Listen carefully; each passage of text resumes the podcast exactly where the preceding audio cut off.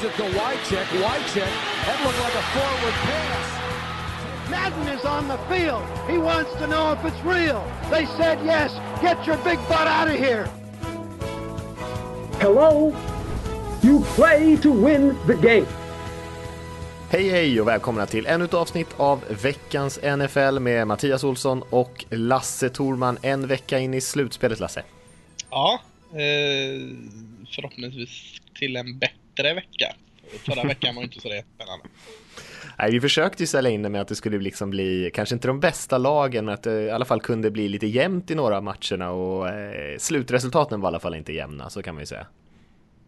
Nej, jag läste någonstans att det var den mest ojämna eh, första veckan någonsin i NFL. Ja, i alla fall sedan 80-talet någon gång hörde jag. Jaha, okej. Okay. Jag läste någonsin. Det, det låter ju bättre, så vi säger det. det vi hoppas att ingen vågar faktakolla det. Det låter Ett till av alla sådana där eh, NFL-rekord eh, som eh, slås hela tiden. Mm. Det är bra att någon har koll på liksom alla vinstmarginaler genom tiderna sammanlagt på alla fyra wildcard-matcher. Undrar om någon precis efter den sista matchen i Ablo slänger sig över miniräknaren och eh, datorn och börjar kalkylera på det direkt liksom. Möjligt. Nu har, nu, jag, nu, har, nu har jag något här, nu har jag ett scoop. Alltså det måste ju sitta folk live, i alla fall för de te sändande tv-bolagen som bara sitter och slår in liksom lite olika siffror hela tiden och ser vad man får ut för någonting. Eh, för lite så kvickfotade är de säkert. Mm. Gött jobb ändå. Ja, ganska får man ändå säga. Men eh, den här veckan har vi i alla fall lite schysstare matcher och eh, vi ska väl inte lägga sådär supermycket energi på förra veckans, men vi ska i alla fall eh, säga något ord om dem och kanske eh, framförallt kanske säga något ord om de lagen som åkte ut och eh, vad de har gjort för typ av säsong och sådär. Och sen ska vi såklart lägga majoriteten av tiden och snacka om den här helgens divisional matcher som i alla fall på förhand ser riktigt bra ut. Vi har ju eh, med tanke på att hemmalagen vann där och allt så har vi ju de åtta divisionsvinnarna i, eh, i eh, divisional round, vilket ändå känns ganska lämpligt. Och så ska vi köra en till sån där Vem där också den här veckan. Mm. Ja, men, men Ja, jag tycker det kan nog bli ett, ett, ett okej avsnitt ändå, så här på förhand. Eh, och vi det, är kan ändå, väl... det är ju ändå det enda, det är det högsta vi siktar på, ett okej avsnitt. Det, det, All, allt över fem av tio tycker jag. Ja. vi har lite nyheter och eh, vi pratade om förra veckan om eh, tränare. Eh, det var ju många som har fått kicken och det betyder att det är många som ska få nytt jobb också. Och eh, Doug Marone, som eh, många minns kanske att han var ju faktiskt tränare för Buffalo Bills för några år sedan och bara helt plötsligt lämnade eh, och egentligen skickade ett sms till spelarna i sitt lag och sa att nej, jag sticker nu liksom. och då fick han ju väldigt mycket kritik. Folk sa att det var karriärmord och allting och så tog han ett jobb som offensiv linje linjecoach i Jaguars istället. Eh, och nu när de letar efter en ny tränare så tittar de på Marone och sett en kille som har erfarenhet och utnämnde honom till sin nya headcoach egentligen. Tog också in Tom Coughlin som har vunnit två Super Bowls med Giants bland annat. Eh, som en eh, VP of Football Operations heter det, som är ganska högt upp i organisationen ändå. Och eh, han var ju också Jaguars första tränare någonsin när det laget eh, grundades. Och sen så det fick också... Det var bra tänkte jag skulle säga. Ja, de var ju bra under ja, hans år. Sist de var bra var när de grundade. och sen eh, Dave Caldwell där, GMen, fick också tre års förlängning. Så att man satsar liksom på de här tre killarna, att de ska hålla ihop ett tag här framöver. Känns ganska smart. Jag, jag hörde att du säger rätt. Jag säger alltid Coglin och det får jag av... eh, kommer du den gamla filmen med Tom Cruise där, Cocktail, så är det han, den australiensiska bartendern där. Hängt kvar, jag tror de stavar likadant. Så att det är skönt att du presenterar vad han heter. ja, vad tycker du om eh, valet av Marone här? För det viskades en hel del om att han skulle bli huvudtränare i Jacksonville. Och visst, jag kan se vissa tjusningar med det också, men det känns lite som ett steg åt fel håll tycker jag ändå. Så involverar han på det här sättet tycker jag känns eh, mycket mer genomtänkt och kan nog leda till mer lycka tror jag. Mm. Nej men jag, jag, jag håller med dig, jag tror att han eh, kan eh, göras, komma till sin rätt här. Och det var ju många som insinuerade att Marone får chansen här nu bara för att man ska behålla lite stabilitet. Eh, och går det åt skogen så finns det väl en risk att antingen Coughlin tar över eller att han utnämner någon som han tycker eh, ska ha det jobbet. Mm ja, får se vad det blir. Eli Manning kanske när han lägger skorna på hyllan. kanske. Eh, vi har ju också en hel del andra rykten ska man säga. Det, det sägs väl att Buffalo Bills har verkligen zonat in på Sean McDermott som vi pratade om förra veckan som är DC Panthers eller har varit. Eh, de har gjort en andra intervju här på en vecka och vi ska inte säga för mycket om den nyheten för det kan ju liksom breaka när som helst. Men många säger väl att eh, Eh, Eh, det skulle vara förvånande om det inte blir han. Och medan Broncos kanske har eh, siktat in sig lite mer på Vance Joseph från eh, Dolphins. Mm. Eh, jag var ju lite het på McDermott förra året när det, den här tränarkarusellen gick igång. Och, eh, får väl säga då med tanke på hur, vilken säsong Panthers haft att jag var mer het på honom förra året än vad jag är på detta året. Men eh, tycker inte det är helt dumt. Och stämmer ryktet att McCoy, han får med sig McCoy som offensiv koordinator. Så, så känns det helt helt plötsligt väldigt intressant tycker jag. Och det är ju de här tiderna där lagen de ser över allting, försöker hitta lösningar. Eh, det är mycket fans som skriker efter eh, tränares huvuden och sånt där. Och då fick vi höra ganska kloka ord tycker jag från Steve Bisciotti som äger Ravens. Eh, och vad han tycker om den här liksom, eh, trenden och den här verkligheten som de lever i. Att alltså, alltså fort det börjar gå dåligt så ska man sparka folk till höger och vänster. Vi kanske kan lyssna på lite av vad han sa. Eh, och så kan vi eh, diskutera det du och jag Lasse. Mm. The solution to every single problem is fire my coach, fire my GM, fire my offense coordinator, fire my defensive coordinator, and fire Joe. Over and over and over again. Didn't matter whether we got to the divisional round or the AFC championship game. They were calling for Dean Pease's head in the middle of our Super Bowl year. He's terrible.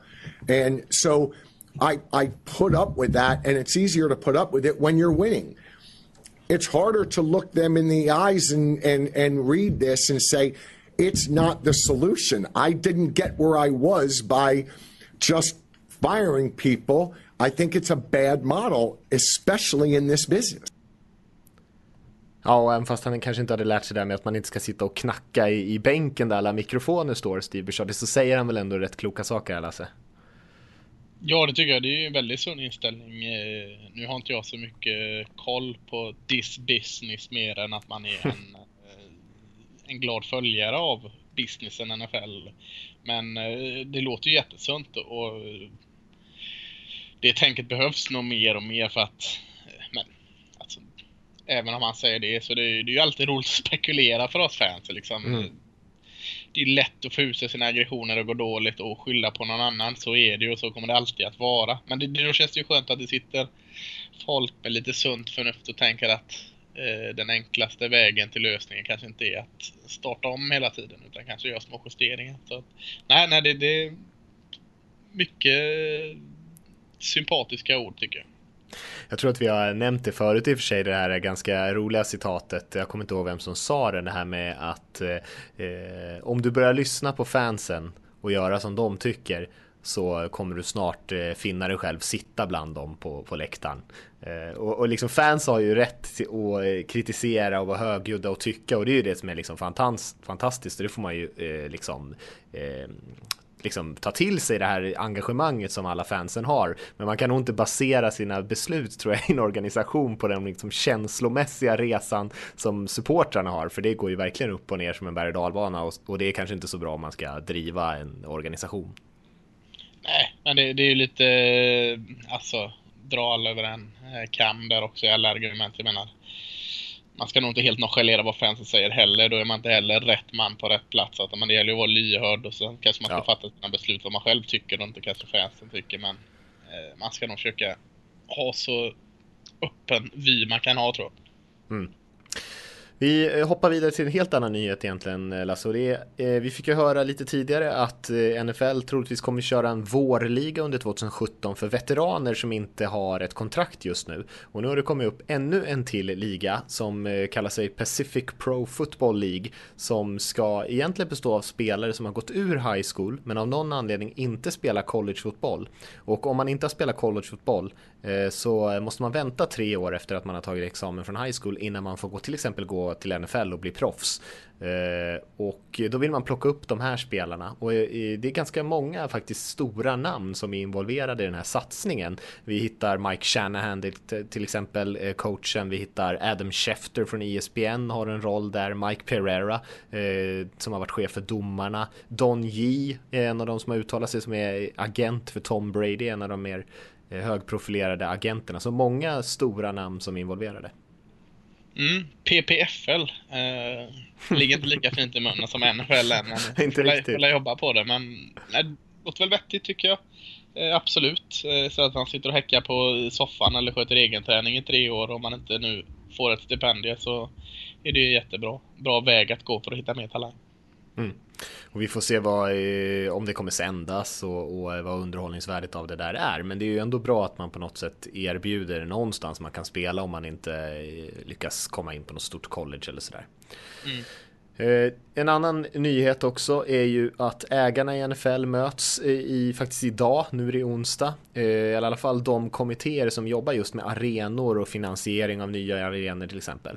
Och eh, de stora samtalsämnena är ju såklart Chargers och Raiders framtid. Eh, 15 januari är det ju deadline för om Chargers ska flytta in med Rams i deras nya arenaprojekt i Los Angeles. Eh, och om de tackar nej så får ju Oakland möjlighet att ta ställning till det, men Mark Davis där som äger Oakland Raiders. Han driver ju snarast just nu i alla fall den här flytten till Las Vegas. Så det är också någonting som diskuteras. Mm. Jag har inte lagt ner alls mycket energi på det här för jag tycker det lutar fram och tillbaka hela jäkla tiden. Det enda jag, jag läser rubrikerna och det är ungefär det du har sagt. Sen har jag inte mer input att lägga in i det men det lutar väl åt att ändå att San Diego inte blir klar i, kvar i San Diego nästa år. Så, så känns det ju, min spontana mm. tanke. Va? Mm. Och så är det säkert också. Eh, det är den känslan man får. Eh, men vi får se lite grann vad som händer där. Men det kan ju vara något att hålla ögonen på. Särskilt om man håller på något av de två lagen. Eh, så kan det vara rätt intressant att veta vad de kommer ta vägen. Mm. Med det sagt Lasse så har vi rivit igenom veckans stora nyheter. Så att vi hoppar vidare till vårat segment där Vem där som vi brukar leka där det handlar egentligen om att försöka Du har den här veckan gjort lite ledtrådar till en profil så som jag ska försöka klura ut vem det är och framförallt kanske lyssnarna där hemma ska försöka klura ut vem det är du snackar om. Mm. Och vi, vi ska ha lite av våran musik där också så småningom. Om du inte hade någonting att säga där innan du eh, innan vi drar igång. Är jag, var bränna, jag var nära att bränna vem det var direkt. Så det var tur, tur att jag avbröt vi, vi har inte kört det här så många veckor så det är liksom fortfarande, vi håller på att lära oss här. Ja, jag har skrivit överst här på mina anteckningar vem det är så jag tänkte så här, bara slänga ur men det, det hade varit väldigt tråkigt. Ja, det hade varit lite dumt. Eh, men eh, är det en svår profil du har hittat på till mig nu? Nej. Nej, nej men vad skönt. Nu är jag mm. lugn redan. Men nu ska vi dra på lite musik så kan vi köra igång. Vi kommer köra alltså 5 fem, poäng, 4 poäng, 3 poäng, 2 poäng, 1 poäng och så tar vi lite, kanske några sekunder däremellan man får fundera lite grann. Mm. Uh, mm. Låter väl bra va Lasse? Så jag, jag lämnar över till dig så får du bara tuta och köra. Mm. För 5 poäng. Eh, född i Reynoldsburg, Ohio, samma år som kalla kriget formellt tog slut studerade till sociolog i Lillebrorskola som under tiden dominerade storebror. Sprang sin 40 yards dash på 4,6 och bänkade 24 reps. Hmm. Vad kan det vara? Mm. Kalla kriget när det officiellt tog slut. Eh, ja, de har ju li... han, alltså, han sprang inte sin dash då. Utan Nej, det, det är bra det. Det är bra att du sa det. Uh, ja, men då får man i alla fall lite hum. Kanske någon som antingen precis då kanske har slutat sin karriär eller som är rejält på slutet där. Uh, om jag inte är helt fel historiskt. Ja, men jag, jag ska inte sitta och bladdra här och, och förvirra alla lyssnare kanske. Utan Nej, kör på det. Fyra poäng. Eh, med 1,85 i längd och 102 kilo i vikt så är han större än snittet på sin position. Valdes i runda 2 2013 och kunde lika gärna varit proffs i basket. Oj. Runda 2 2013? Mm. 1,85 lång, 102 kilo tung. Stö större än snittet på positionen. Ja. Eh, ja jag, jag ska kanske inte säga vad jag, hur jag resonerar utan vi, vi kanske ska köra vidare bara. Men du har någon du kanske har zoomat in lite på? Nej, jag, jag har definitivt inte ett namn. Så, så nej, eh, nej, långt okay. har jag inte kommit. Det är lite för, för brett för mig än så länge för det. Men jag kanske, jag har här, kanske börjat på något sätt ana vad det skulle kunna vara för position. Så långt har jag kommit. Ja, det kanske var svårare än jag trodde. ja, för tre poäng. Eh, har än så länge bara representerat en klubb och det mesta tyder på att han kommer göra det även 2017. Hmm.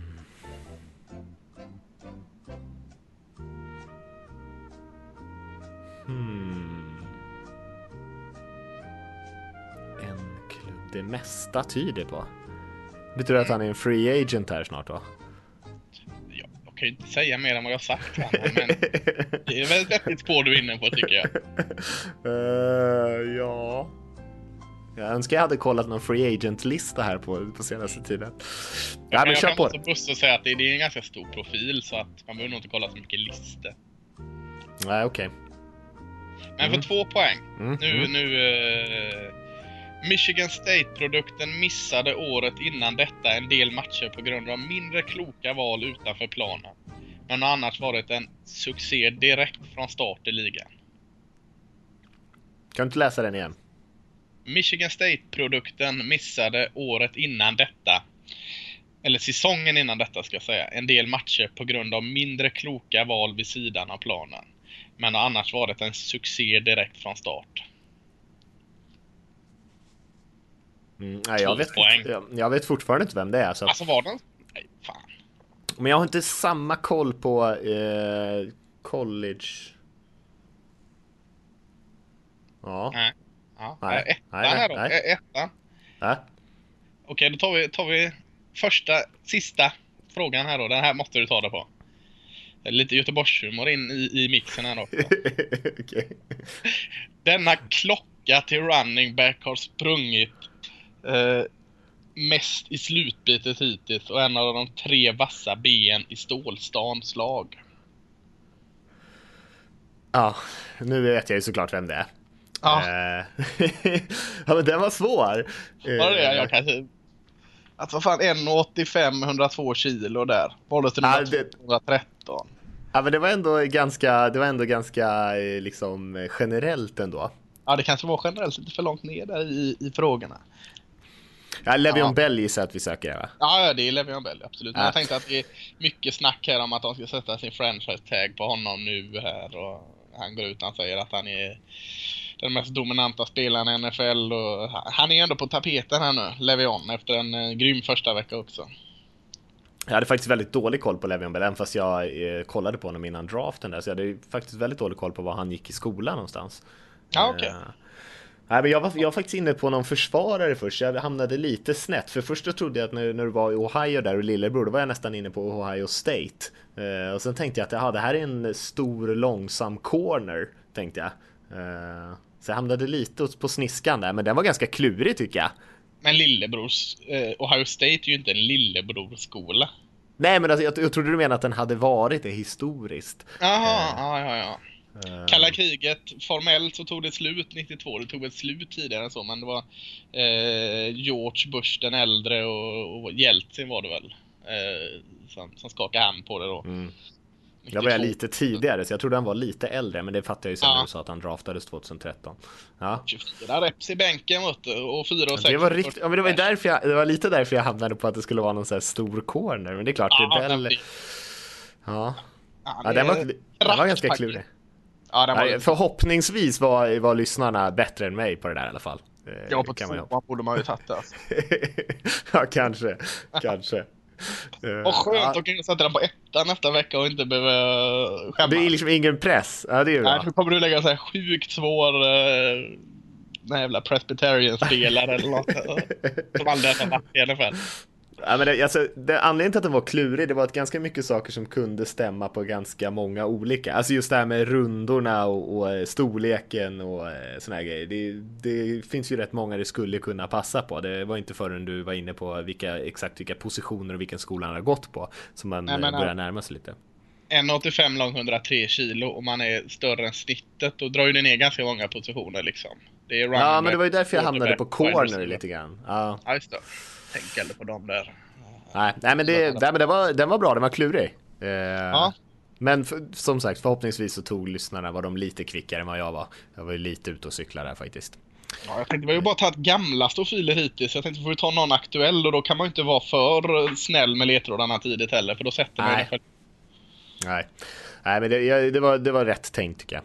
Eh, jag Ska, hur, ska vi hoppa vidare och köra lite, kolla lite på eh, wildcard-rundan då och eh, som sagt det var inte så jäkla jämnt där. Två av matcherna var väl eh, hyfsat tajta i alla fall en, en bit in. Eh, Packers Giants matchen kanske framförallt var väl den som ändå kändes jämn ganska länge innan Packers drog iväg. Mm. Nej, det var, det var en uh, tråkig vecka, absolut. Uh, Oakland hade ju alltså, Conny Cook var dålig men alltså de fan, de hade ju en så skadad offensiv linje som ändå har varit deras grej redan från start och så fick han ha Hudson hoppa ut där linkande. Visst, Marcelius och Clowny var jättebra med, men uh, vad mötte de egentligen? Uh, receiversarna hjälpte ju inte Cook heller för fem öre. Så uh, visst, Brock Osweiler gjorde, det. Vi har hängt ut den hela tiden. Jag ska inte säga att han var mästerlig, men gjorde det okej. Okay, så att den var inte mycket att ha heller. Detroit Seattle lite samma sak. Uh, Seattle kändes som det där gamla Marshall Lynch-slutspellaget med, med en bra o-line och, och Rawls där som bara sprang, sprang, sprang, sprang, sprang. Tråkig direkt. Vad var det mer? Miami, Pittsburgh. Mm. Uh, ja. Brown och Bell. Ja. Kändes som att matchen var över direkt. Ja, ja och, och, och, som du sa sista där, Giants eh, hängde ju i där ändå i första halvlek men tar man inte vara på chansen och sätter poäng när man har chansen mot eh, ett så hett eh, Green Bay så kändes det väl hela tiden som att ja, fan. Eh, det, här, det här ska nog Green Bay ta ändå och så när den här jäkla Hail Maryn damp ner det så precis innan halvtid Ja, den var tuff för det kändes som, som att matchen kunde gått i alla fall, eh, eller vart jämn lite längre om, det, om de inte hade fått den. Eh, och eh, ja, det var ju, eh, det är helt otroligt egentligen att de har lyckats sätta tre stycken Hail Marys. Eh, jag tror att alla var i slut, har varit i slutspelet va, på de två senaste åren. Eller åtminstone i slutet på säsongen, om, om inte en av dem var i slutet på säsongen istället för på slutspelet. Men, eh, vilket är helt galet. Jag på en sån sak liksom, för att du kan liksom inte lägga beröm på Aaron Rodgers, för han hivar iväg en chanspass. Hans enda grej är ju att han ska hamna i en som någorlunda så någon kan ta den liksom. Ja, äh, nej, alltså som... folk älskar ju Aaron Rodgers. Jag älskar också Aaron Rodgers, mm. men alltså liksom Twitter-hysterin efter den här liksom att han, alltså att, typ att han är liksom en gud. Alltså jag menar, han var ju bra i hela matchen har ju varit ja, han var ju bra länge nu. Men, men det där spelet. Hail Mary liksom. Nej, det där spelet är inte det som, säger, som visar hur bra han är. Det där är ju, för det första, alla tre Hail Marys de har lyckats med har ju varit mer liksom den som tar emot bollens förtjänst än Aaron Rodgers och på det här spelet så fick Eh, vad jag förstått också så var det inte ens Randall Cobb som var liksom eh, den spelaren som var tänkt att ta emot det. För det såg ut som att det där skulle ju kunna varit liksom intränat eh, en liten sån här en liten push-off av Cobb så han kommer lite bakom i bra timing så han liksom kan fånga den. Eh, intränat, domarna kastar oftast inte flaggor på de där situationerna. Ganska smart och försöka utnyttja det.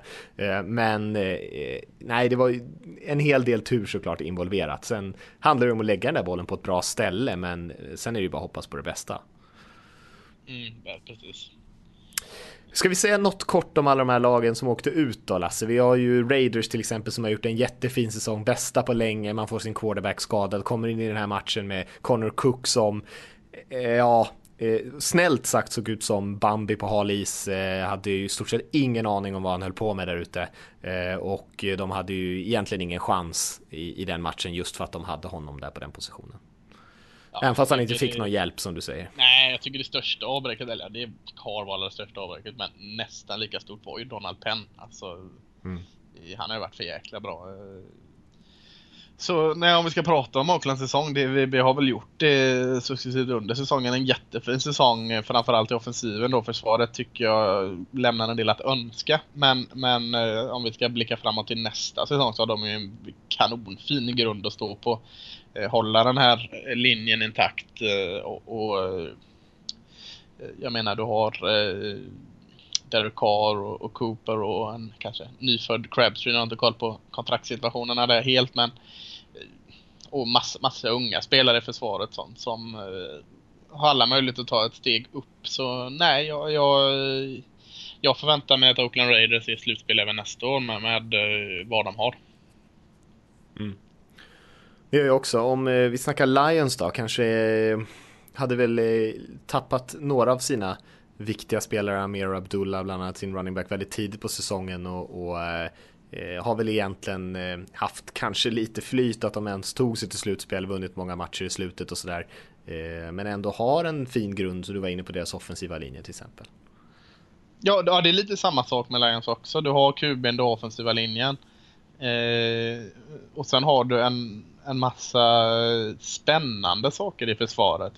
Du har inte samma receiver core som, som Oakland har och, och den biten. Och, och running back situationen har ju sett snällt sagt bedrövlig ut men, men eh, få tillbaka med Abdul kanske han kan, kan bidra till lite mer eh, power där. Men ja, jag, jag, tror inte lika mycket på Detroit Lions eh, som jag gör på Oakland Raiders. Eh, för ett, att de är i en ganska tuff situation med, med eh, Green Bay och eh, Vikings.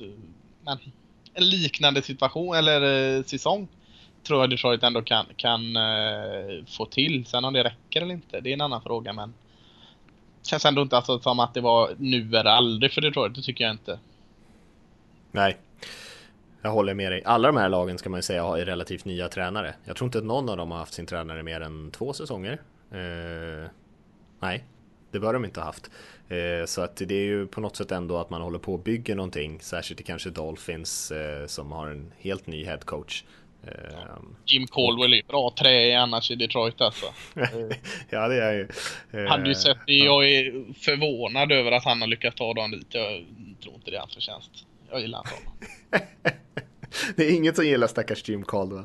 Jag, vet inte, jag har ingenting emot honom. Jag tycker han är jag har i och för sig inte visat någonting så här särskilt imponerande. Men eh, han har ju ganska mycket rutin, är ganska lugn och så här. Och sen så är det ju inte han som går in och petar i detaljer och sånt där. De har ju en offensiv koordinator som coachar, spe, coachar eller kallar spelen där är Jim Bob Cooter som vi har pratat om några gånger och eh, Terry Austin i försvaret som eh, också har fått ganska mycket cred.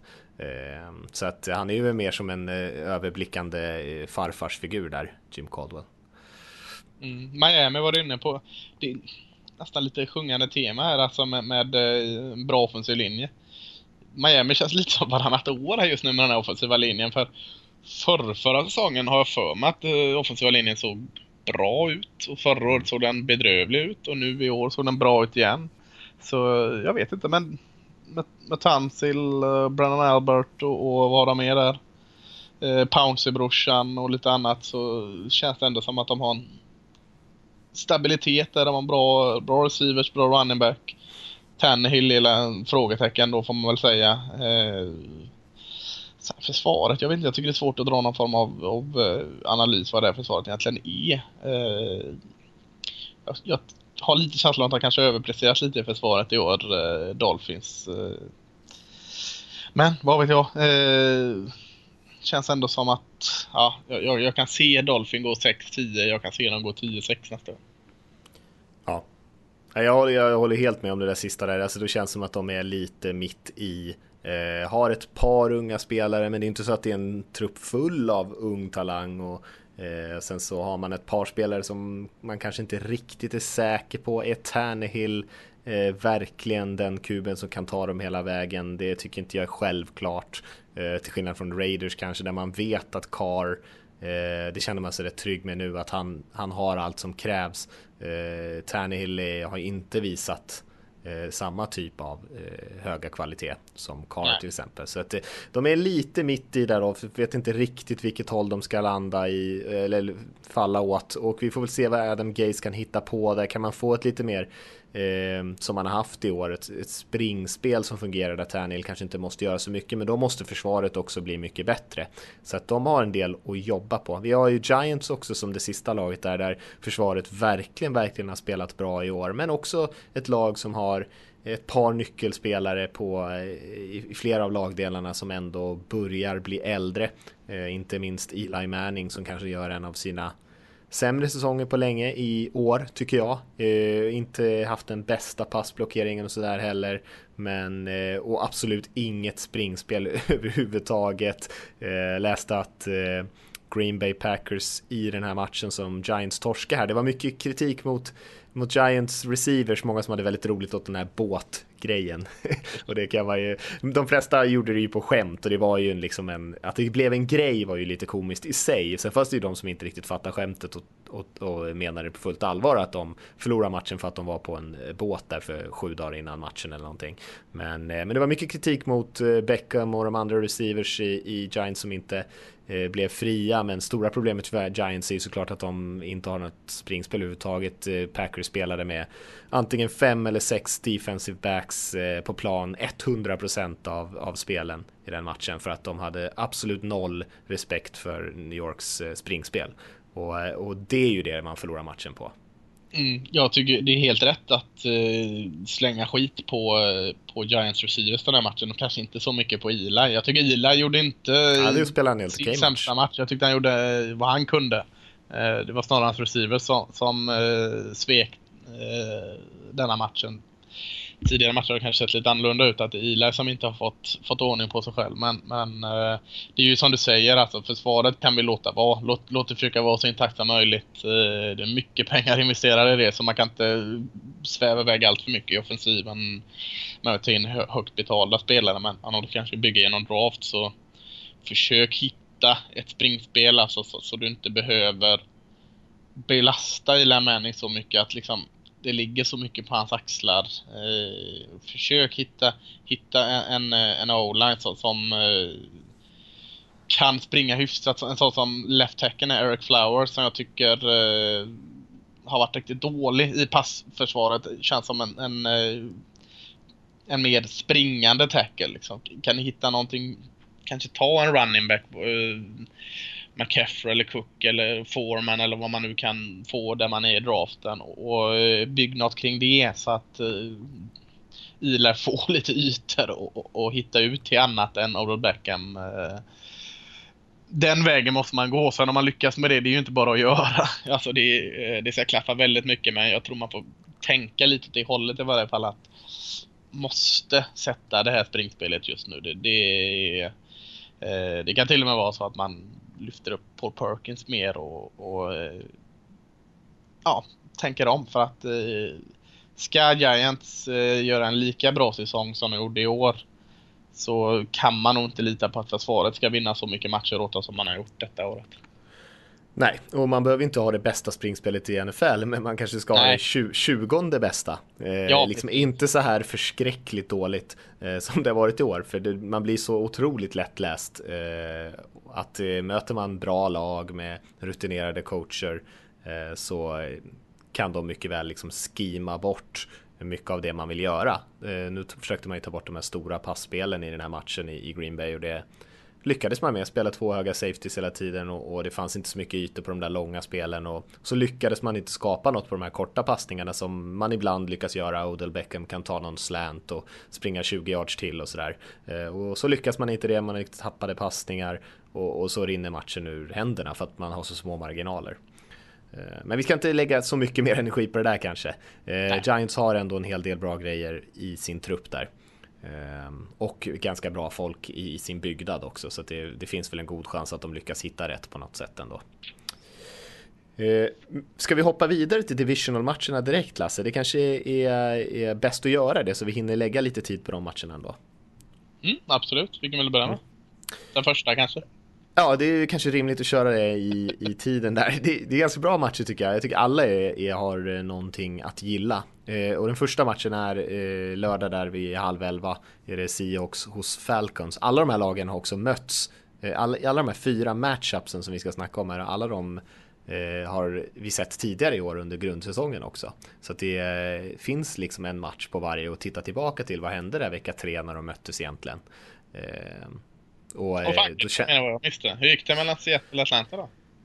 Eh, det var ju Seattle vann den matchen med två poäng. Eh, det var ju den där kontroversiella domslutet på slutet när Sherman höll i Julio Jones arm ja, just det, just det. på den långa passningen. Och de, senast de möttes i slutspelet så slog ju Falcons Seahawks med två poäng i en också en väldigt dramatisk match. Det har varit ganska bra matcher där de här två har spelat på senaste tiden. Måste varit länge sedan va? Uh, nah, är det Hasselback som QB för Seattle? Nej, nej, nej, nej, nej, nej. Det var 2013, 2014 någon va? Som möttes de ju i slutspelet. Då? Ja, 2013 där i januari någon gång. Borde det ha varit. Och, var det Tony Gonzales som tar den fortfarande då? ja, det kan det nog ha varit. Ja, Men det var ju något 50 yards field goal där från Matt Bryant som slog ut Seahawks i slutspelet där. Jag ser man. Mm.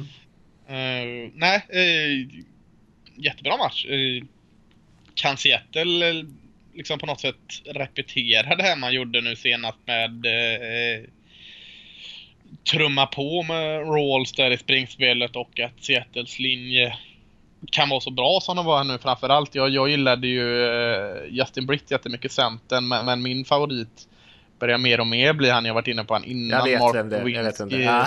Men du måste erkänna att han var bra, Mark Lewinsky. ja, ja, ja. ja, jag, visste, eh, jag visste att du skulle säga Lewinsky. Men, men spring ja. bakom det. Alltså, eh, jag hade... Nej, jag hade pumpat på det. Eh, och så samtidigt har du ju Falcons med... Behöver ju knappast förklara eller på något sätt säga att de är ett giftigt offensivt lag. Så det kan nog bli en del poäng här. Hoppas och tror jag spännande att se hur Seattle står emot eh, Matt Ryan och alla hans vapen i offensiven. Och jag repeterar, här är den utan Earl Thomas. Jag kan inte nog säga hur mycket jag gillar honom och eh, hur stor betydelse han har för alla försvar. Sen Earl Thomas skadade sig så har ju eh, motståndarna haft, eh, tror jag, en passer rating på över 120 på, ah, på långa spel, alltså över 20 yards passspel. Så att just i de där stora passningsspelen så har de ju verkligen, verkligen saknat Thomas sen han eh, skadade sig. Ja, men tror jag har väl en speciell person han gillar att kasta långt på också. Så att, eh. Ja, det är just det här laget är ju extremt bra där. Nej, men jag, jag, jag tror att Atlanta kommer göra poäng på Seahawks. Jag tror att de kommer kunna göra ganska mycket poäng eh, på dem till och med. Och frågan är väl egentligen om Seahawks kan hänga med. Eh, Falcons, har ju, Falcons har ju precis som Lions eh, kanske inte heller den bästa defensiva linjen. Eh, kanske inte så jättemycket bra spelare centralt på den defensiva linjen. De har ju Vic Beasley som har spelat väldigt bra eh, pass rushern. Eh, men kanske kan man ändå lyckas få lite push i springspelet där och, och, flytta bollen på det sättet. Då kanske det blir lite enklare för dem att göra lite poäng. Eh, men jag tror att det kommer bli svårt att hänga med Falcons på, på scoreboarden. För jag tror att absolut att de kommer göra poäng. De har varit extremt stabila i år och allt tyder ju på att de ska säkert kunna slänga, slänga upp närmare 30 poäng i den här matchen. Mm. Ja, jag är inte lika säker på att Atlanta ska rycka ifrån och Seattle ska få försöka komma ikapp. Eh, eh, ja, Atlanta är bra, men, som du är inne på, man, man har inte det där maffiga eh, försvaret, framförallt inte mot springspelet känns det som. Och, eh, jag vågar tro på Rawls här. Och, eh, nej, jag, jag, tror, eh, jag tror Seattle vinner faktiskt. Mm -hmm. lite Lite för att jag tippade ju för övrigt Atlanta. Fyra segrar tippade jag att de skulle ta. Fnös ju åt dem långt in i Det gör du faktiskt. Ja, för att uh, nu får jag erkänna då att de, de, har gjort en jättefin säsong, Atlanta. Det dummare än så är jag inte. Men, men ja, det kanske är det som hänger kvar, att jag inte riktigt uh, ser, se den här allround-styrkan med dem. Att, att de är grymt offensivt, det, det är klart som fanken de är det. Men eh, Seattle senast eh, gav mig ändå lite tro att eh, det här kan bli riktigt, riktigt jämnt och ja, jag tror eh, skräll vet fanken om det är, men att det, det blir lite underdog-vinst direkt här på lördag kväll. Det är väl inte kanske tuffaste stället att spela borta match, men Seahawks spelar ju hemma senast ska man tänka på. De har, gick ju 7-1 hemma och eh, vann ju bara tre matcher på bortaplan va? under eh, grundsäsongen. Så att eh, de har ju varit ett helt annat lag där, förutom den matchen när de klev in och, och vann mot Patriots i, på Patriots hemmaplan så hade de ganska tufft på, på bortaplan under grundsäsongen. Ehm, så att det är lite skillnad där. Ja, jag, jag tror att det, antingen blir det så att, eh, att Falcons drar ifrån ganska tidigt eh, och så vinner de här matchen ganska bekvämt. Eller så lyckas Seahawks hänga med i den här matchen och då tror jag att de kan vinna. Eh, för att liksom, även fast Matt Ryan ofta har varit bra i slutet på matcher och sånt där så är det också en av Seahawks styrkor att ändå kunna sno åt sig den där vinsten i slutet. Ehm, så att det gäller för dem att hänga med, men jag är inte säker på om de kommer kunna göra det. Hade ju Russell Wilson på sparläge hela förra matchen. Han behövde ju knappt honom. Nej, faktiskt. Han är utvilad till den här matchen. Så de har ett vapen till i form av Russell Wilson att slänga in där. Han tog av sitt eh, sån här eh, knee brace, sitt skydd han hade på knät där första gången förra veckan eh, och började kunna springa lite friare. Så att eh, ja. kanske kan han hitta på lite grejer med benen här också. Ja, men jag håller Falcon som favoriter där, det tycker jag att de har förtjänat. Eh, däremot så eh, brukar jag inte räkna ut sig också sådana här matcher för att de har den typen av rutin, spelat slutspel eh, många år i rad här nu och, och vunnit många matcher där också. Eh, det har inte Falcons riktigt lyckats göra. men som ett hur de har spelat i år så tycker jag att Atlanta har varit klart bättre. Mm. Eh, ska vi gå vidare till nattmatchen där? Eh, kanske den sömnigaste får man kanske säga av eh, de här divisional matcherna och det är Houston Texans hos New England Patriots och Patriots alltså på hemmaplan. De ja, möttes också matchen. tidigare år kan man säga, vecka tre då och då vann Patriots med 27-0. Och då hade ja. de inte Brady. Nej. Det känns riktigt eh sömnig. Solklart att New England Patriots ska vinna den här. Inget snack om det skulle jag vilja säga. Eh, för, ja, jag, jag, kan inte på något sätt motivera till något skrälläge för, eh, för Houston här. Eh, vi sa ju det Merciless, eh, eller vad heter han? Heter han så? Ja. ja och, och Clowney gjorde en jättefin match båda två eh, mot Oakland. Men, men Oakland hade ju, de stod ju ordentligt eh, i brygga direkt deras offensiva linje med så mycket skador och, och, även skador under matchen. Så jag vet inte hur mycket man ska lyfta upp dem eller hur man liksom ska lyfta ner Oaklands eh, offensiva linje där. Men, men självklart ska det bli jättekul att se vad, vad eh, de två kan göra mot eh, Patriots. För Patriots offensiva linje får lite eh, överdrivet mycket beröm ibland. Så jäkla mäktig är inte den linjen skulle jag inte vilja säga. Så, så, eh, det kan nog bli lite, lite åka av för Tom Brady här. Men, men han har ju en förmåga, Tom Brady, att eh, förutse precis allt som ska hända. Men kommer Merciless och, och, och Clowney från varsin kant så har, hittar han eh, Edelman eller någon annan jäkel snabbt ut och så 11 yards och så promenerar de ner så tar touchdown. Nej, nej jag... Eh, jag ser inte i denna värld att Houston ska kunna vinna mot New England. Tyvärr, jag ser jättegärna den skrällen. Det har varit eh, riktigt roligt att eh, och få lite nya lag längre i, i eh, slutspelet, men nej. Nej, jag tror inte heller på det. Jag tror att eh, Vegas där, eller betting-sajterna hade satt linjen här på minus 16 på Patriots och, och jag skulle fortfarande ta minus C16 utan att blinka. Mm. Jag tror att Patriots kommer total utklassa just den här. Men däremot som du säger, de har bra saker. Clowney är en jättebra spelare, han har varit bra hela säsongen. Har egentligen varit bra sedan han kom in i ligan under de perioderna han har faktiskt kunnat vara på plan. Och så har man ett, ett bra secondary också med Jonathan Joseph och Kareem Jackson och, och unga AJ Boye som vi har pratat om tidigare som spelar jättebra. Eh, men jag tror inte på en sekund att de kommer stoppa Tom Brady och det där anfallet eh, alls. Jag kan inte köpa det helt enkelt. Eh, vi har ju också Bill O'Brien här, coachen i Texans som faktiskt coachade för Belichick och Patriots innan. Så att de känner ju varandra lite grann. Det kanske kan ge någon typ av lite lite nerv i matchen där, men för att Texans överhuvudtaget ska ha en chans här tror jag så måste de göra kanske den bästa matchen de har, som, som de har gjort i år samt få lite turnover sin väg, ha lite tur, få lite stora special teams spel eh, för att eh, just nu så måste jag säga att de är väldigt stora underdogs. Då även den lilla piken på defensiva linjen är Wins Wilfork som har mm. Ja just det. Varit med om en del framgång i New England som kommer upp och säkert vill visa dem vad de går miste om. Men, men eh, även om han skulle göra sitt livsmatch så räcker inte det. Det blir eh, New England. Det tror jag också. Eh, men precis som, eh, som många av de andra lagen så kanske så, så, eh, så har ju Texans en, en del bra spelare i sitt eh, lag. Annars skulle de inte ha tagit så här långt. De har saker de, som gör bra, men vi sa inte ens någonting om deras anfall, vilket är ganska talande kanske. Patriots har ju faktiskt tillåtit minst poäng i hela NFL i år, så att deras försvar har ju inte spelat dåligt. De har tvärtom spelat riktigt bra efter de här första veckorna där det var ganska skakigt. Och Texans har ju tillåtit minst yards, deras försvar, så att det är två ganska hyfsade försvar som vi ska se i den här matchen också. Och eftersom jag fick skit den här veckan för att jag eh, gav skit till Houston så får jag ändå avsluta att det är fantastiskt starkt av Houston att vara där de är med tanke på ja. situationen i offensiven med eh, Brock Osweiler. Så eh, nej, hatten av även om de förlorar. Ja, och de har ju, känns som att de har nästan blivit en eh, en frekvent besökare här i slutspelet, även fast de alltid kommer in och känns som att de kanske inte riktigt kommer gå hela vägen, så har de ändå lyckats ta sig dit trots att de har sina QB-problem. Mm. Vi går vidare till söndagsmatchen eh, klockan 19. Eh, snackar vi Steelers hos Chiefs. Vad tror du om den? Den är lite rolig tycker jag, ganska svår att tippa.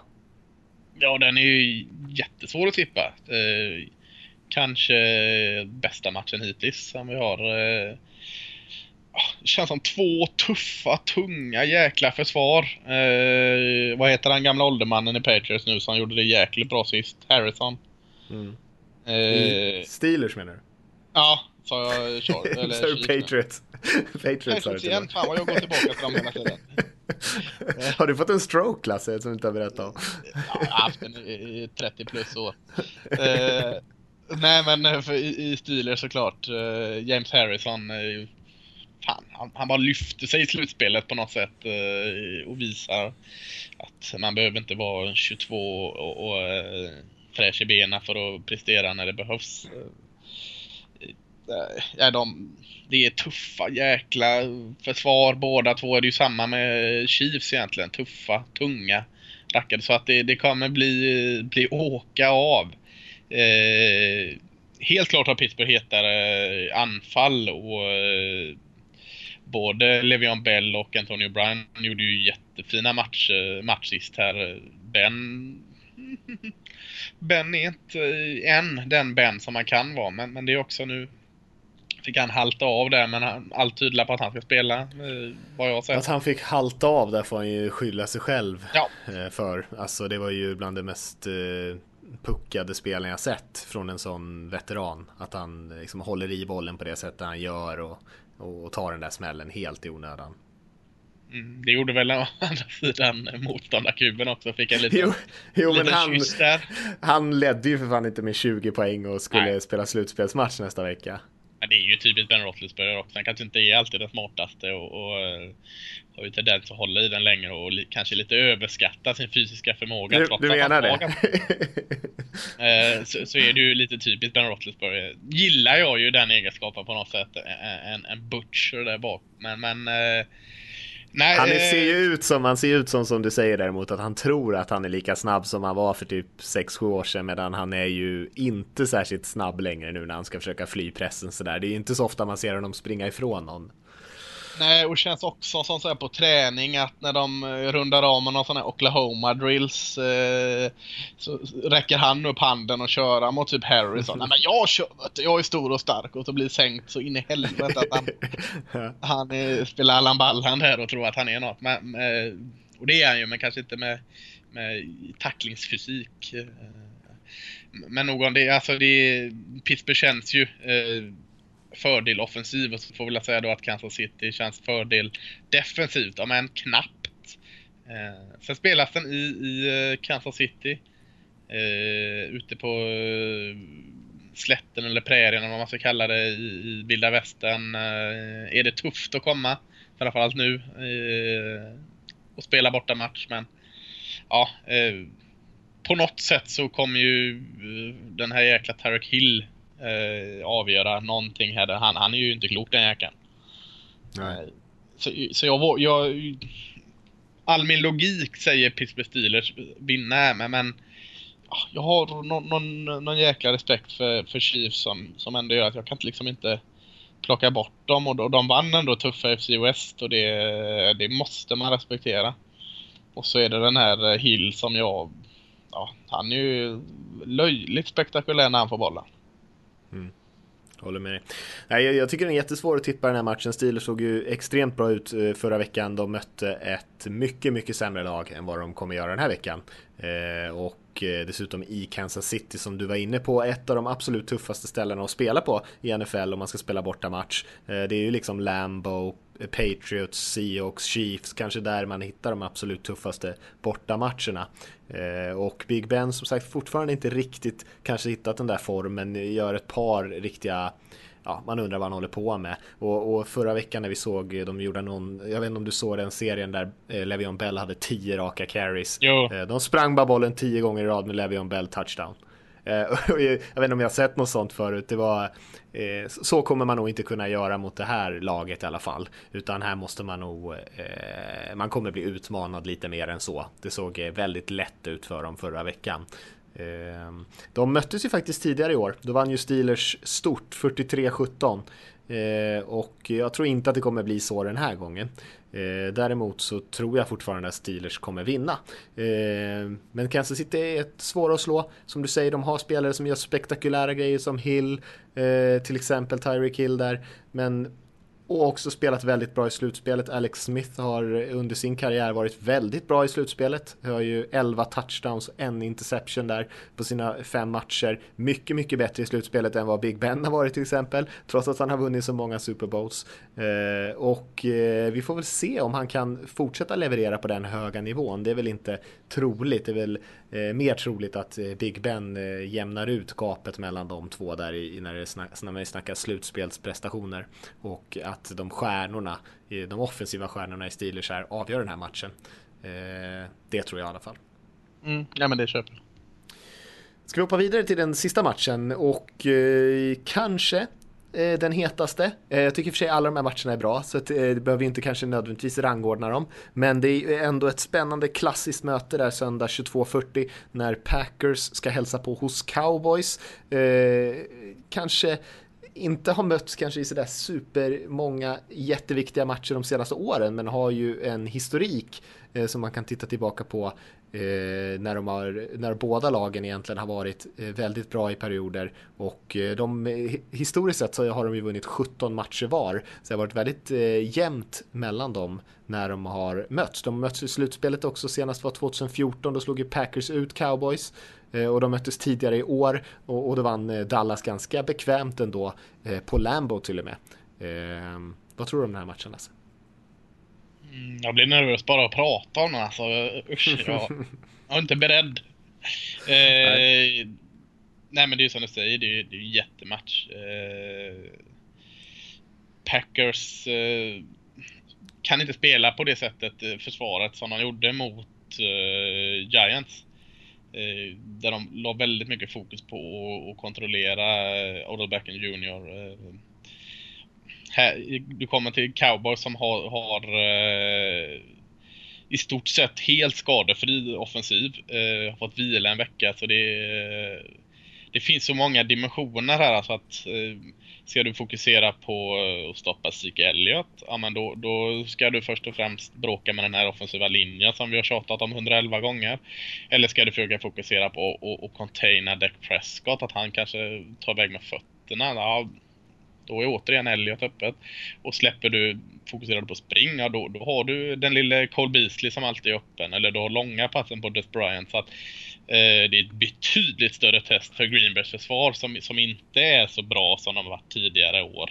Eh, men, men man, kan ju, man kan ju vända på det också. Alltså, eh, Cowboys försvar har gjort det bra. De har gjort jättebra tycker jag med tanke på förutsättningarna. Men, men de går ju efter den, den här som vi varit inne på, bend, don't break filosofin. Alltså att de, de kan låta motståndarna ta hur många yard de vill. Sluta driven med att, att eh, det blir en field mot sig. Så räknar de med att offensiven vinner det långa loppet ändå. Den har varit enklare när de har mött kanske lite mer springstarka lag. För det, det är där de försvarar bäst. De har haft problem i när, när de möter de här duktigt passande lagen och, och det är ju Packers. Så det, Aaron Rodgers är wow, men, men eh, hans offensiva linje är också eh, wow. Och eh, Dallas Cowboys pass rush finns ju inte. Eh, så allt tyder ju på att Aaron Rodgers kommer ha jättemycket tid i fickan och, och hitta sina receivers och, och, då är det problem för Cowboys. Så att det är så mycket som, som talar för både Dallas Cowboys och som talar för Green Bay Packers. Så jag, allt tyder på att det kommer bli en, en jämn och riktigt spännande match här. Eh, jag kan inte, jag kan inte alls tippa den egentligen. Jag, jag, tror på något sätt att Packers kommer in med sin glödheta form och, och tar en skalp här. Så får eh, Dallas ett snöpligt slut på sin jättefina säsong. Det, eh, men backa upp det med någon, någon, någon konkret fakta och varför det kan jag inte göra egentligen.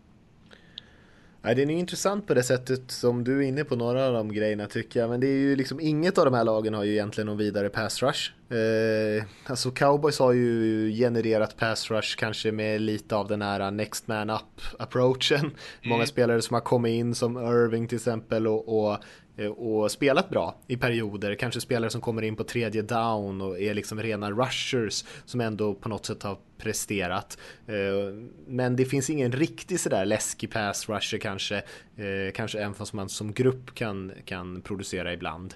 Och samma sak är det mm. hos Green Bay. Julius Peppers har inte haft någon bra säsong. Clay Matthews har varit i stort sett osynlig hela året. Ehm, och samtidigt så ser vi två av de kanske, ja de kanske två bästa offensiva linjerna i NFL. Vilket tyder på att det här kommer ju bli massor av poäng. Ehm, det är bra högpresterande quarterbacks på båda sidorna, En från Prescott inte har samma erfarenhet som Rogers. och där har man istället Elliot. Ehm, så att mycket tyder för att vi eh, på att offensiven kommer liksom dominera den här matchen och, och, så var det inte riktigt senast de möttes. Då var ju Cowboys anfall var ju mycket svårstoppat. Elliot sprang ju för 150-160 yards någonstans och, eh, och Packers hade ju det problemet då. De fick ingen som helst pass rush på Prescott och de var lite tvungna att blitza och när de blitzade så brände Prescott dem. Eh, och, och, det är svårt när man inte kan få press med sina liksom, ordinarie rushers.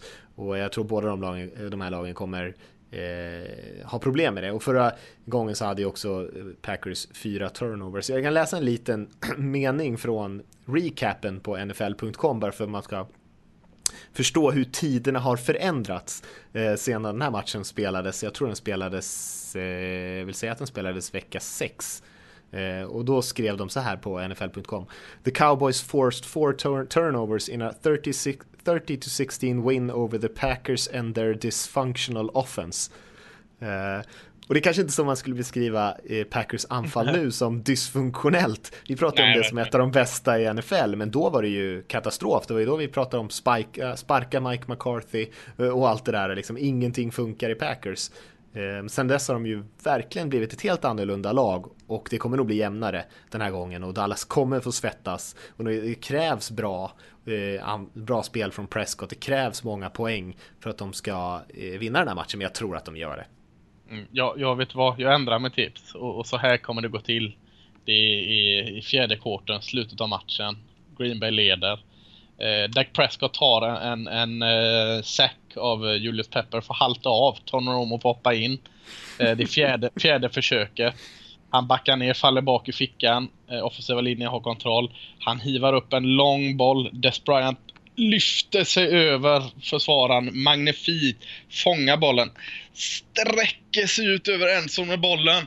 Och han håller kvar den och han fångar den och det blir touchdown. Jag trodde, det skulle, det... trodde det skulle sluta i en interception där, men exploderar nej, nej, nej. internet Då är det eller? inget snack om att Dess fångade bollen mot Green Packers i slutspel längre. För om du kommer ihåg förra slutspelsmatchen så var det den här bollen när, när det var frågan, fångade Destin eller inte? Mm. Nu är det inget tvivel. Tony Romo på fjärde mm. försöket passar till Des Bryant, de avgör, Cowboys vinner. Sen åker de ut nästa och så glömmer man det. Möjligt. Båda de här två lagen har åkt ut på ganska brutala sätt i slutspel de senaste, senaste åren. Eh, nej, jag vet inte om jag tror på den här Tony Romo-grejen. Det känns lite too good to be jag true. Jag inte det. Jag vill inte att Dak Prescott ska bli skadad heller, men eh, ja, det hade varit en sån härlig revansch. Ja, visst. Eh, men jag tror att Cowboys tar det som sagt. Det, känns bara som de är lite stabilare. Eh, Packers har egentligen ingenting bra i sitt försvar. Cowboys tycker jag ändå har en del bra. De har inte varit, de har en del bra spelare som vi har varit inne på. Morris Claiborne tycker jag verkligen har, har plockat upp sitt spel från att såg ut som en liksom solklar bust till att helt plötsligt vara en väldigt stabil corner. Så att de har lite mer och lite, och lite stabilare än vad Packers är. Eh, men Aaron Rodgers, som sagt, han är ju jobbig att möta. Eh, väldigt jobbig att möta. Det kommer mm. du få bli varse när du sitter och tittar på den här matchen. Alltså. Ja, jag, jag mår inte bra redan nu. Nej, jag, mår Nej, börjar redan må dåligt liksom. När han ah, springer runt där så här, sju sekunder efter snap och fortfarande inte har blivit säkrad och sen kastar han en 40 yards passning till eh, Cobb eller någon. Eh, då Fan gör vad enkelt Patriots-fansen har. De behöver aldrig oroa sig. De kan börja oroa sig i Precis. Eh, det var de matcherna, vilka härliga matcher ändå. Ja. Det kommer säkert bli en fantastisk helg det här, det tror jag verkligen. Jag kan inte se hur de här matcherna skulle bli ointressanta på något sätt. Även fast det är något lag som verkligen drar iväg och, och, och spelar mycket bättre än sin motståndare eh, så är det ändå känns som att det är en story i sig. För att de här lagen har så mycket, de har gjort så mycket den här säsongen redan, det finns så mycket att snacka om att jag tror att det kommer bli superunderhållande vad som än händer. Mm, nej, jag håller med. En sak vi ska göra däremot Lasse innan vi tar lite frågor det är ju såklart att eh, snacka lite college för det var ju final här. Eh, yes. Och eh, det ska du få göra om några sekunder.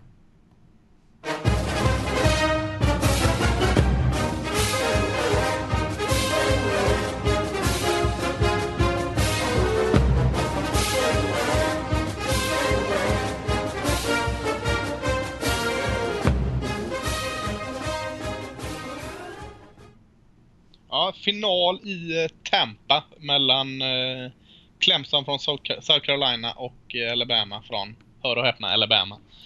Eh, samma final som möttes förra, förra året. Eh, jag vet inte, jag ställde en fråga till dig Mattias. Har du sett matchen mm. först och främst?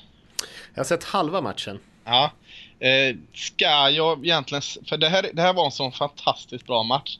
Det här var bland de bästa matcherna jag sett på en sån avgörande nivå. Så ska jag egentligen avslöja vad det blev här eller ska jag bara säga till att gör vad ni kan för att se den här matchen i efterhand. Eh, jag frågar dig, vill du att jag ska prata om den och säga hur det blev? Eller ska vi bara rekommendera alla att kom över den här matchen? Den ligger lite här och var ute på nätet så hör man sig om på Twitter eller sociala medier så får man vart man kan hämta den. Ni kan höra med mig om inte annat. Eh, för att det känns så dumt liksom att eh, prata om den här finalen när jag ändå vill att alla på något sätt ska se den. Och, och eh, har man lyckats hålla sig borta från hur det blev så eh, den är ju fantastisk även om man vet hur det blev men, men ja, den var så, så jäkla bra den här matchen så att jag vill egentligen att alla ska se den och inte lyssna på mig prata om den. Ja, men det, det, känns som att du har eh, bestämt dig för det ändå och då tycker jag att vi köper det. Vi kan väl säga några ord om den nästa vecka i så fall så kan vi väl uppmana folk mm. att, att leta upp den och titta på den för det här är ju inget resultat som direkt blir spoilat på eh, Sportspegeln.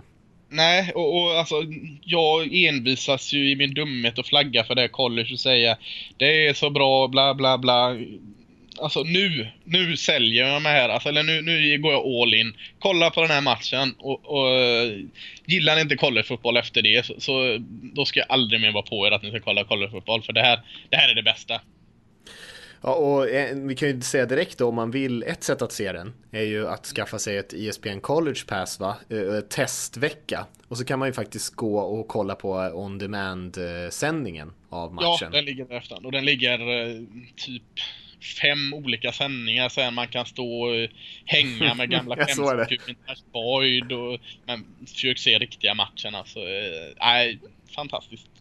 Ja, och det är ju gratis. Så det kan man ju testa. Så får man testa på den tjänsten också och se om man tycker att det är något bra. Mm. så, för den har ju alla möjliga typer av collegeidrott. Men ska, tycker du vi ska lämna den då? Eller vill du säga ja, någonting annat om collegefotbollen? Nej? Nej vi går vidare. Jag, jag sa inte det i början, men det kanske var några som märkte det på Twitter. Jag vet inte om du såg det Lasse, men det är drygt eh, vid tvåtiden idag här på, i, på onsdagen så höll ju Daniel som jobbar med oss eh, med, med sajten där eh, höll på att pilla lite grann bakom kulisserna så råkade han ju ändra i någon inställning så att eh, den återpublicerade alla artiklar om Oakland Raiders som någonsin har skrivits på sajten och, och autotwittrade ut allihopa. Jag vet inte om du såg det Lasse?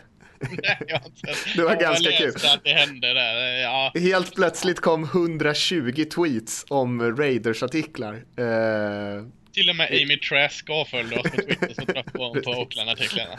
Så om det var någon som trodde liksom att vi fick fnatt där eh, på NFL Supporter så eh, så var det ett lite tekniskt fel, men ett ganska komiskt tekniskt fel. Ganska kul också för Rickard som har skrivit de flesta av de där artiklarna. Det är ändå lite cred till honom hur, hur många Raiders-artiklar det faktiskt fanns där. Hade det blivit något annat lag så hade det nog troligtvis blivit färre. Hur jävla mycket kan man skriva om de här jävla Raiders Majoriteten av år, artiklarna var ju också från åren där de liksom inte var i närheten av någon slutspel kan man ju säga. Men ja, det var, om någon såg det så, så var det det som hände. Eh, för det var inte planerat att det skulle komma 120 tweets där med, med ra olika Raiders-artiklar. Eh, och vi har fått in lite frågor som vi brukar få. Om man vill mejla in en egen fråga så är det podcast at nflsupporter.se som man i första hand kan mejla till. Sen kan man ju twittra till at nflsupporter eller at Lars Torman om man vill eh, eh, bråka med Lasse lite grann. Så hittar de säkert fram ändå. Men det är eh, säkraste sättet att göra eh, att mejla in den. Och vi börjar med en fråga Eh, från Sebbe här. Eh, tjena grabbar, fortsätt med er, ert utmärkta arbete. Det uppskattas mycket. Har en fråga och ett tips. Frågan lyder om ni skulle kunna lägga fram den bästa startelvan för både offense eh, och defense och special teams med aktiva spelare som är över 30. Eh, undrar om vi kan göra. Och sen så tipsar han om att när vi pratar om någon tränare eller spelare som kanske är lite mindre känd så får vi gärna nämna tränarstatus respektive vilket position och vilket lag spelaren spelar för. Eh, så, att vi, så att de som lyssnar lite snabbare kan förstå och hänga med eh, om man inte är riktigt lika insatta som, eh, som vi är. Så eh, det skriver han som ett litet gött tips till oss. Ja, det är ett jättebra tips vi eh, dras ju med bort. i varandras eh, entusiasm och, och rabbla på. Så jättebra att ni kommer på med sådana. Vi ska mm. försöka tänka på det. Eh, allt som ofta så, så tänker vi på det avsnittet efter och är jätteduktiga för det. Och sen rinner det helt av så Glömmer babblar vi igen. på om Jim Bob Cooder och vem han är liksom. Men, men jättebra tips. ganska roligt att han vill ha, att du vill ha 30 plus. Man brukar annars säga så här 25 minus för att liksom vad framtiden kan bära. Mm. Eh, eh, ta ut 22 spelare plus special team säkert att du inte ska göra men, men, eh, det finns väldigt mycket bra 30-plussare runt om i ligan. Om man kollar i försvaret så har ju Eh, ditt Mattias Siox har ju två defensiva linjemän som jag tycker är jättebra i Avril och, och brorsan där. Du har även en sån som Calais Campbell i Arizona som är 30 plus, fantastiskt bra spelare där. Eh, vad har vi mer för försvarare? Linebacker Sean Lee och Rap, eh, Rappo, Terrell Suggs. Det, det finns gott om dem. Nämnde några Texans corners där tidigare, inte kanske topp i ligan, men Kareem Jackson och Jonathan Joseph är spelare som har hållit länge. Brent Grimes har gjort ett bra år i år också. Han brukar ju vara lite såhär varannat år, men har spelat väldigt bra i år. Eh, med corner Dominic Rodgers Cromartie har varit jättebra i ja, år. Akib Talib, eh, corner i, i, Broncos. Eric Weddle, eh, ja. safety i, i uh, Ravens också. En sån som Leodis McKelvin i Eagles tycker jag också är en jättefin säsong. Mm. Eh, så, så det finns, finns gott om dem på försvaret och även i offensiven. Alltså QB, eh, välj. Precis. De, de som är bra är över 30 oftast liksom. Mm. Aaron Rodgers, Drew Brees, eh, Ben Roethlisberger eller Tom Brady liksom. Sätt in vem du vill. Eh, receivers har dock en sån som Larry Fitzgerald blir ju bara bättre och bättre känns som han fick flytta över till slott här och var lite besviken. Toppade Fitzgerald eh, ligan i catches, jag tror det, i antal mottagningar i år. Alltså han var i alla fall ja. absolut i toppen där uppe. Ja, det Jordi Nelson en annan eh, jättebra mm. receiver. Eh, running backs är ju lite, det, alltså de, de har ju lite kortare livslängd mm, än... De är klurigast. Men, men jag har ju varit inne och, och, innan i podden här och varit imponerad av en sån som Frank Gore, numera Indianapolis Colts gjorde väl mest nytta i 49ers när han var där. Eh, fortfarande bra. Legarrette Blunt, lite samma sak här. Eh, Patriots använder honom tills de har något bättre, men, men, men han gör jäkligt mycket bra. Offensiva linjen hittade också jättemånga bra. Alltså Joe Thomas i Cleveland Browns, eh, fortfarande jättehög nivå. Donald Penn som varit inne på i Oakland. Centern Whitworth spelar bra igen. Just det, i Bengals uh, off tackle och, sånt som Alex Mack, centern i Atlanta. En jättestor mm. anledning till att Atlanta är så bra, att äntligen offensiven klickar i år är ju för att de, de signade Alex Mack som, som tidigare var i Cleveland. Marshall Yanda i, i Baltimore Ravens, kanske den bästa garden uh, med några andra i, i, i, den kategorin här. Så att det finns uh, jättemånga bra spel på 30 plus. Uh, skulle han uh, syna här och säga 35 plus, då börjar det bli jobbigt. Då kanske det är enklare att ta ut QB bara eller något sådant. Men 40 eh, James plus. Harrison. Ja, James Harrison är fan. Linebacker i Steelers där. 40 plus, hur gammal är Tom Brady? 39 va? 39. Snart kan han vara på 40 plus-listan där. där har vi inte så många tyvärr. Det, Nej, det blir Tom Brady och lite kickers. Ja, special team ska du ta ut någon. Devin Hester har inte varit så bra i år men, men eh, har ju en väldigt mäktig karriär bakom sig som eh, returman på Special Teams. Ja, han kanske inte har varit sådär superbra i, eh, på senaste tiden. Men eh, han har ju signat med Sia också nu för att spela lite slutspel. Ja, och såg inte så bra ut där heller. Nej, det var väl inte så många försök han fick där kanske, men eh, nej, han har väl inte sett sådär superbra ut. Jag såg Shane Leckler här, pantern i, i Texans, eh, mm. som dök upp i bild. Han såg ut som han var 60 bast. Inte riktigt, men han såg eh, riktigt gammal ut måste jag säga. Och han är rätt gammal också. Men är ju en, historiskt en av de bästa punters som någonsin har spelat i NFL egentligen. Får man ändå säga. Han var ju rejält dominant under en period och är väl fortfarande rätt bra han ser alltid ut som han haft en riktigt tung utekväll. Ja, verkligen. Eh, när man kollar på han liksom. Han ser så här svettig och lite lönnfet och du vet besvärad och uh, spyfärg. Han ser riktigt tung kväll kvällen innan. Men uh, han har gjort han är faktiskt bara, Han är ju faktiskt bara 40 men om man ställer honom bredvid Tom Brady liksom och säger att de här är typ lika gamla. Båda är elitidrottare. Uh, så tror jag att någon bara skulle skratta åt den om de inte visste vilka de var. Uh, för det ser inte riktigt ut att vara på samma nivå. De tränar nog inte riktigt lika hårt tror jag. Nej. På gymmet. Det är min gissning. Nej, jag är beredd att hålla med. Ska vi skippa där? Eh, eller sätta stopp där rättare sagt? Ehm, så kan vi gå in på en fråga från Hannes som skriver Tjena! En rolig diskussionsfråga ni kanske kan prata om. Väldigt spekulativt såklart, men hur mycket spelar egentligen första säsongen in? Goff, Jared Goff då som eh, är eh, quarterback i Los Angeles Rams, var ju självklar som första val i draften, men tror ni att Rams hellre hade valt Prescott än Goff nu i efterhand? Många tacksamma komponenter för Dak detta år såklart, men hur hade Goff gjort det i årets Dallas? Och hur hade Dak presterat investerat i Rams. Eagles hade nog inte heller valt Goff före deras quarterback då, Carson Wentz som gick nummer två i draften. Men undrar om det kanske skulle ha valt Elliot Ezekiel Elliott i Cowboys då, eller Joey Bosa i Chargers. Vilka ser ni som 2016s tre bästa rookies i det långa loppet?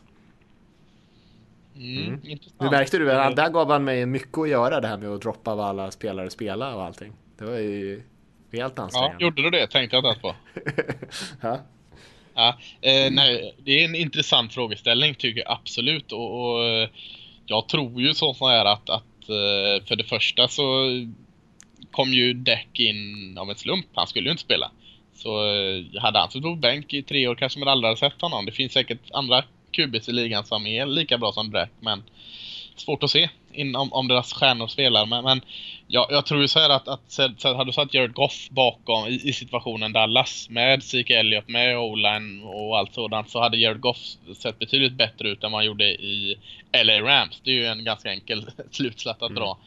Eh, hade du satt Dak Prescott i situationen Rams så hade han sett antagligen inte sett lika vass ut. Eh, jag är lite rädd och, och jag vet att vi tycker lite olika om Goff just. Eh, jag har absolut inte gett upp på Goff. Jag är lite rädd att kanske döma en, framförallt en QB eh, efter ett år. Även att Goff inte har sett bra ut i år så, så tycker jag liksom inte man ska stänga eh, Goff som framtida QB i Rams det, det, eh, redan efter sju matcher, framförallt inte med sju matcher där, där Rams inte hade något att spela för. Man hade en dålig offensiv linje, man hade inga receivers, man hade Todd Gurley med ett mellanår så att klart Carson Wentz kom in i en ganska taskig situation i Eagles också och gjorde det betydligt bättre än Jared Goff. Men, men eh, Goff var väl lite av ett projekt redan när de draftade honom eh, vill jag minnas att, att jag och andra och säkert du också spekulerade om att Goff är nog inte en dag ett spelare men han har potentialen för att bli väldigt, väldigt bra.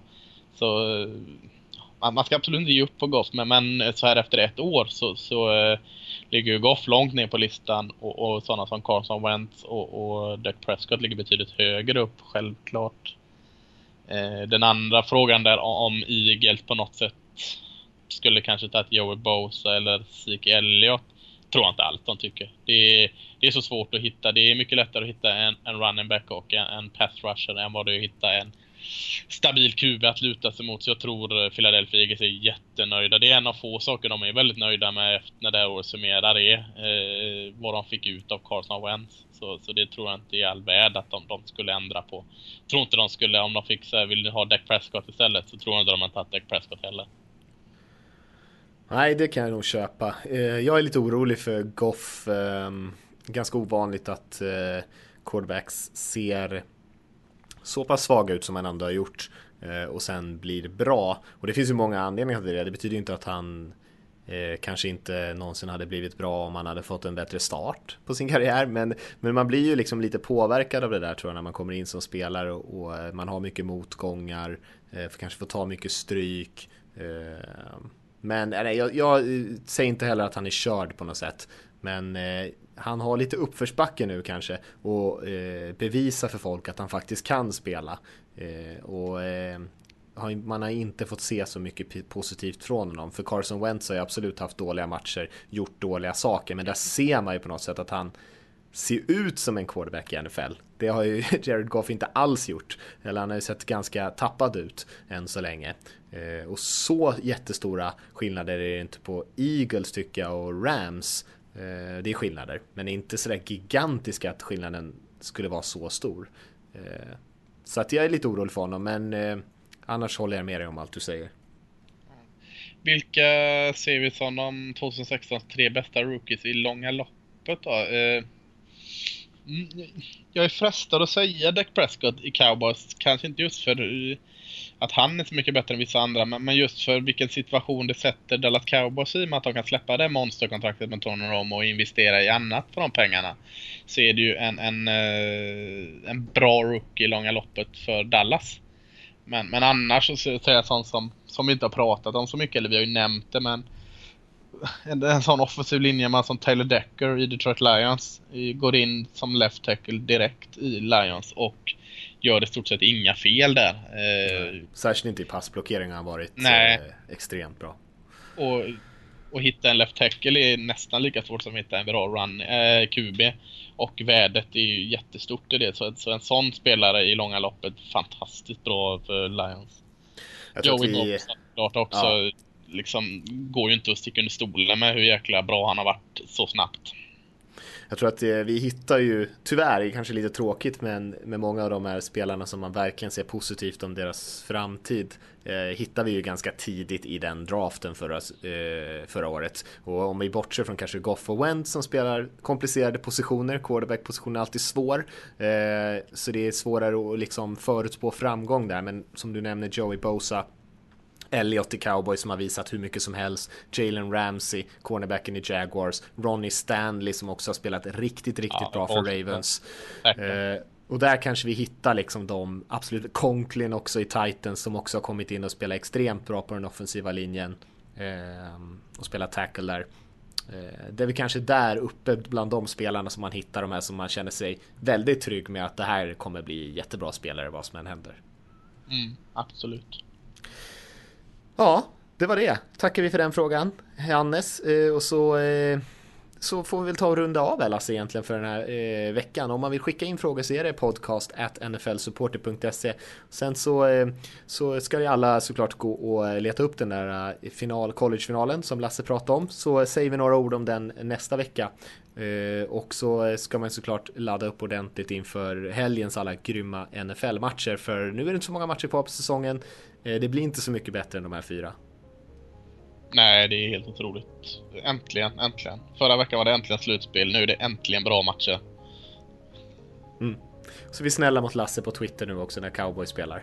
Det är, det är en order. Ja, jag, jag får hålla mig borta därifrån. Jag är ju dum i huvudet när, när kan hantera Cowboys. Nervvrak på söndag, ja. söndag kväll. Ja. Eh, men ni får ha det så bra där, allihop där ute och njut av matcherna så eh, hörs vi nästa vecka när vi recapar allt det här och kollar vidare mot de sista rundorna av den här säsongen. Ha det bra allihop.